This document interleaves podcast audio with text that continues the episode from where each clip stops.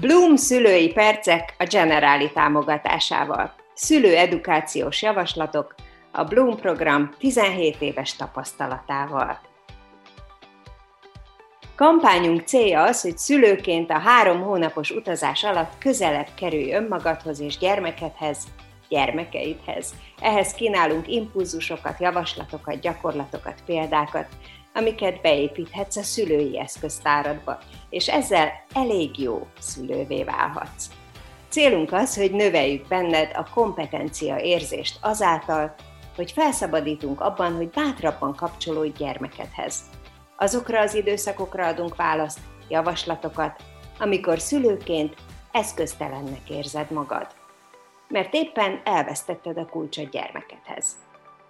Abban támogatunk, hogy saját kreativitásod, felszabadultságod megélésen keresztül megtaláld az utat saját gyermekedhez, megtaláld saját felszabadultságod és eljuss gyermeked megértéséig. Podcast sorozatunkban a Bloom szakértőivel, képzői csapatának tagjaival beszélgetünk. Podcast sorozatunk mai epizódjában Hajnal Edinával beszélgetünk. Ő a Blooming képzés képzője, a Szegedi Tudományegyetem kognitív neuropszichológiai tanszékének tudományos segédmunkatársa. Mai podcast témánk a dicséret. Edina, hogy definiálnád a, a jó dicséretet? Mert hogy nyilván van rossz dicséret és jó dicséret is. A rossz dicséretet könnyebb talán először. Sziasztok! A rossz dicséret szerintem az üres dicséret, amit, amit a szülők ugye azt tanultuk meg, hogy, hogy nagyon dicsérni kell a gyereket ahhoz, hogy önbizalma legyen. Ügyes vagy. Ilyenekre? Okos vagy, Aha. ügyes vagy, szép vagy. És ezek olyan dicséretek, amilyen státuszkókat állítanak fel a gyerekbe. Te ilyen vagy, pont. És um, volt egy nagyon érdekes amerikai kutatás, ami megmérte, hogyha a gyerek ezt hallja, hogy okos vagy, akkor hogy áll hozzá a feladatokhoz, meg magához az intelligenciához. És akkor a jó dicséret az az, amikor egy folyamatot dicsérsz meg, például azt mondod, hogy hú, de sokat tanultál, látom, lett eredménye, nagyon klassz. Mert ott egy ilyen folyamat, egy erőfeszítést dicsérsz meg. És képzeld el, hogy az jött ki, ez egy nagyon-nagyon érdekes kutatás, hogy azok a gyerekek, akik azt hallgatják, hogy okos vagy, azok úgy tekintenek az intelligenciára, mint egy ilyen fix dolog, ami nem moccan, az ott van és kész. És ezek a gyerekek nem tesznek annyi erőfeszítést, hogy elérjenek. Például egy, egy, egy, mondjuk egy probléma megoldós feladat van, amit, amit az, hogy erőfeszítést kell tenni, és olyankor például könnyebbet választják, csak azért, hogy ne hibázzanak míg azok a gyerekek, akik, akik azt hallgatják, hogy, hogy egy folyamatot, egy erőfeszítést dicsérnek meg, amiben ők beleteszik saját magukat, azok a gyerekek az intelligenciát egy olyan valaminek tekintik, amit el lehet érni, amit meg lehet szerezni és tovább fejleszteni, és ezért ők a nehezebb feladatot választják, mert tudják, hogy ők azzal fejlődnek. Nagyon megdöbbentem ezen, mert hogy milyen pici dologról beszélünk, hogy hogy dicséred meg a gyerekedet, és el lehet rontani teljesen az attitűdjét, hogy ő mit gondol magáról, és hogy hogy, hogy fog ő az életben bármit e, megvalósítani. Szóval kicsit ijesztő volt egyébként, de, de pont ezért jó tudni ezeket, mert ezeket lehet gyakorolni, hogy az emberből kijön az, hogy Isten, de szép vagy, mert hogy ránéz a gyerekére, és nyilván ez, ez így kijön az emberben, hogy milyen szép vagy, de hogyha tudod, hogy ezzel nem teszel olyan jót neki, akkor visszafogod magad, és próbálod újra fogalmazni ezeket a dicséreteket. Most arról beszélünk, hogy ugye valamiért megdicsérjük uh-huh. őt, és egy idő után talán el is várjuk, hogy azok a dolgok, amik már már sikerültek, uh-huh. azok a legközelebb is ugyanúgy Igen. sikerüljenek, vagy ugyanolyan jól sikerüljenek. De ha nem sikerül ugyanolyan jól, akkor előfordulhat valamiféle csalódás, vagy megvonás, vagy, Igen, vagy valami, ami negatív irányba Nagyon viszi. igazad van. Szóval, hogy e, igazából azzal, hogy azt mondjuk, hogy szép vagy, azzal azt üzenjük, hogy elvárom, hogy szép legyél. És ez nem arról szól, hogy elfogadlak olyannak, amilyen vagy. És hogyha nem vagy elég szép, akkor én csalódott leszek. Míg hogyha én egy, egy, egy folyamatot, egy erőfeszítést dicsérek meg, akkor én nem várok el semmit, hanem örülök annak, hogy te, mint ember, beleteszel energiát azért, hogy valamit elérjél.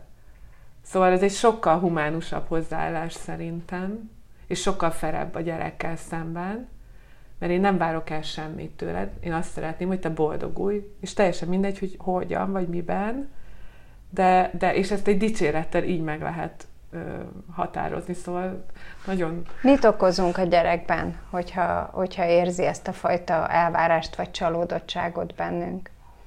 Hát akkor ugye elvárást táplálunk belé, aminek ő nyilván meg akar felelni, mert ő így akar kapcsolódni hozzánk, és akkor az az érdekes, hogy, hogy pont kontraproduktív lesz ez az egész, mert nem önbizalom erős gyerek és felnőtt lesz abból a gyerekből, aki ilyen fix dicséreteket kap, aki a külsejét, a, a tehetséget, amit így hoz, ami alapból benne van. Szóval uh-huh. olyan dicsérni, amire eleve képes, vagy alapból benne van, mit csináltál te ahhoz, hogy göndör legyen a hajad? Semmit. És hogyha én ezért dicsérlek téged, akkor pont ez a semmi fogom elérni abban, hogy te belül mit fogsz ezért tenni, max kifésülöd, vagy nem tudom, de hogy semmi erőfeszítést nem csinálsz benne, és ezért te elvárod majd a környezettől, hogy megdicsérjék a göndörhajadat, és sokkal, te sokkal sebezhetővé válsz a külvilágnak a véleményével szemben. Míg hogyha én nem a hajadat dicsérem, vagy most teljesen mindegy, valaki jól épít, mondjuk az már egy folyamat, de hogy egy ilyen skill dicsér, ne, ne, ne, ne, ne, a, ne a skillt, vagy ne a tulajdonságot dicsérjük, hanem azt, amit te azért ért megteszel. Az erőfeszítés. Az erő, mindig az erőfeszítés. Tehát, hogy, és e, szóval nem lesz bizalma igazából a gyereknek. Mert hogy külsővé teszed ezeket a dolgokat, míg hogyha te a folyamatot, mondok egy nagyon egyszerű példát, és bocsánat, visszacsatolok még a rossz dicséret, hogy nagyon sokszor félváról mondod ezeket, mint hogyha egy ilyen automata valamik lenni. Aha, nagyon szép. És nincs benne semmi.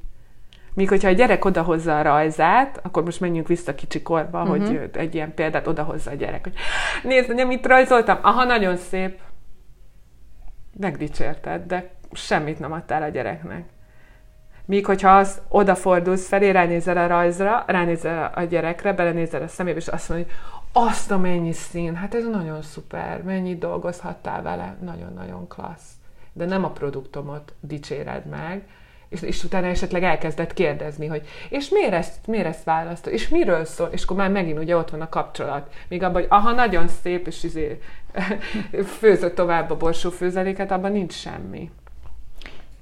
Akkor beszéljünk egy kicsit a szélsőségekről. Uh-huh. Tehát mi van akkor, ha mondjuk úgy rideg tartásban van a gyerek, nem kap dicséretet, uh-huh. illetve azok a gyerekek, akiket non-stop agyba főbe dicsérnek. Szerintem a különbség nem lesz nagyon nagy az eredményben. Az, hogy hogyan jut el odáig, abban nyilván van különbség, de igazából egy, egy önbizalomhiányos gyerek lesz mind a két esetben.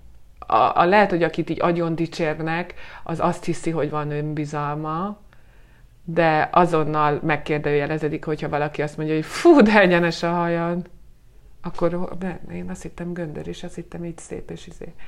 Szóval, hogy igazából nem te, mind a kettővel baromi nagy károkat okozunk. A ridegtartás mm, még rosszabbnak tűnik, de igazából az eredmény szerintem nem lesz óriási különbség a kettő rossz között. Két, két fajta rossz. Így, így tudnám.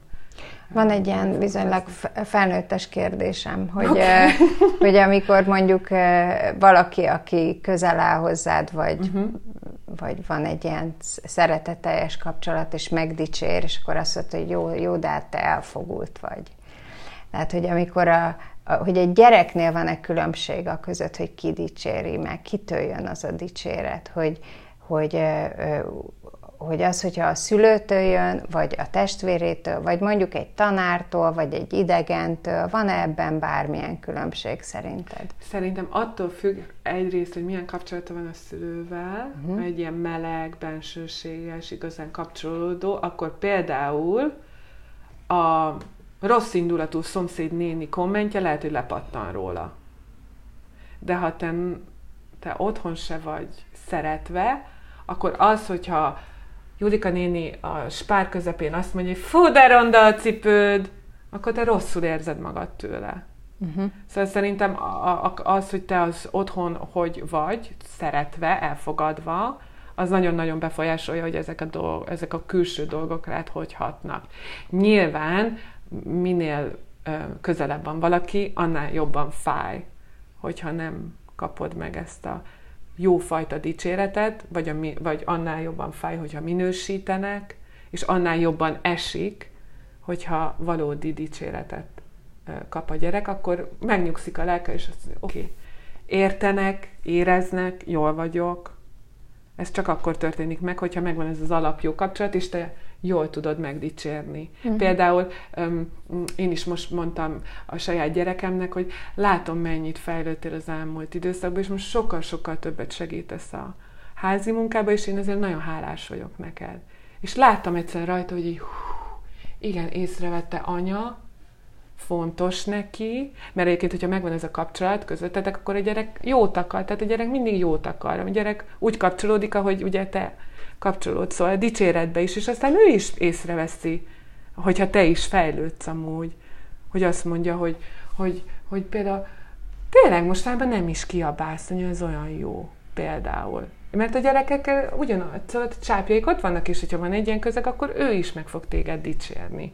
És nem azt mondja, hogy hülye anya, vagy hogyha mondja, akkor utána oda jön, és azt mondja, hogy ú, igazából nem gondoltam komolyan. Tehát, hogy, hogy érted, hogyha még te is minősítesz, de bocsánatot kérsz a gyerektől, akkor ha ő is minősít, akkor ő is bocsánatot fog kérni tőled, és akkor megy minden, akkor lenullázódik ez a hülyeség, és akkor megy minden tovább.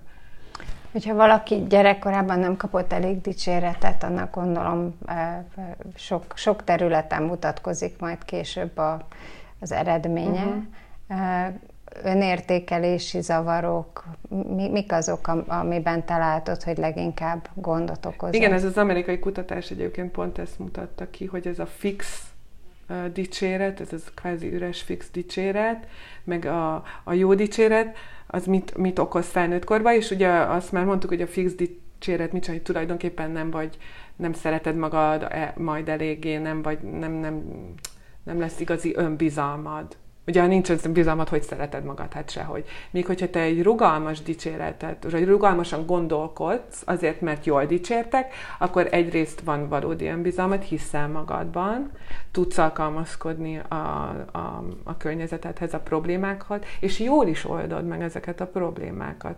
Szóval ez két olyan batyú, ami azért nagyon nem mindegy, hogy mi, mivel pakolják tele a szüleid. De eddig a dicséretet adniról beszéltünk, de, de dicséretet kapni arról mit gondolsz, különösen felnőtt korban, hogy sok ember nem tudja jól venni, hogyha megdicsérik. Na hát azért, mert gyerekkorban nem, nem, nem, nem tud vele jól. mit kezdeni. Igen, tehát hogyha azt, mond, azt mondják neked, hogy nem tudom, milyen szép vagy, ugye ez a leg általánosabb dicséret, hogy hú, de szép vagy ma, és ah, hagyjál már. Akkor az, az, az rögtön elárul valamit rólad, hogy te hogy vagy önmagaddal és nehéz elfogadni, mert ugye minket azért nem nagyon dicsértek jól. Mindig be voltunk valahova skatujázva, és kész. Szóval ezt nehéz venni, és meg kell tanulni. Egyrészt ez egy üres, üres dicséret is, hogy hú, de jól nézel ki ma, és akkor mi van. De azért, hogyha te ezt nem tudod elfogadni a másiktól, hogy azt mondja, hogy hú, de szép vagy, az azért így üzen valamit. Hát akkor erre mondjuk a, a köszönöm, az, uh-huh. egy, az egy jó válasz. Uh-huh. hogy de kedves vagy, köszi. Már ugye azt is mondtad, hogy pont, pont nem érdekel, hogy mit gondolsz, de azért kösz, hogy ezt mondtad. Mert az a jó igazából, hogy pont nem érdekel, hogy mit mondanak az emberek, de azért ez egy nagyon idillikus elvárás, hogy mi soha nem érdekel, hogy mit mondanak mások, de hogy tök, tök érdekes, hogy a dicséret valóban ide vezet el. Hogy hogy dicsérsz, hogy te magadat hogyan definiálod a világban. Ez félelmetes, nem? Hogy Ugye? ilyen apróságok hová vezethetnek, uh-huh. meg uh-huh. milyen következményei uh-huh. lehetnek És annak, hogy hogy dolog. dicsérsz. Ez egy dolog egy a dolog. millióból. Uh-huh. Igen, hát van, van mind dolgoznunk. Köszönöm van. szépen. Én is köszönöm.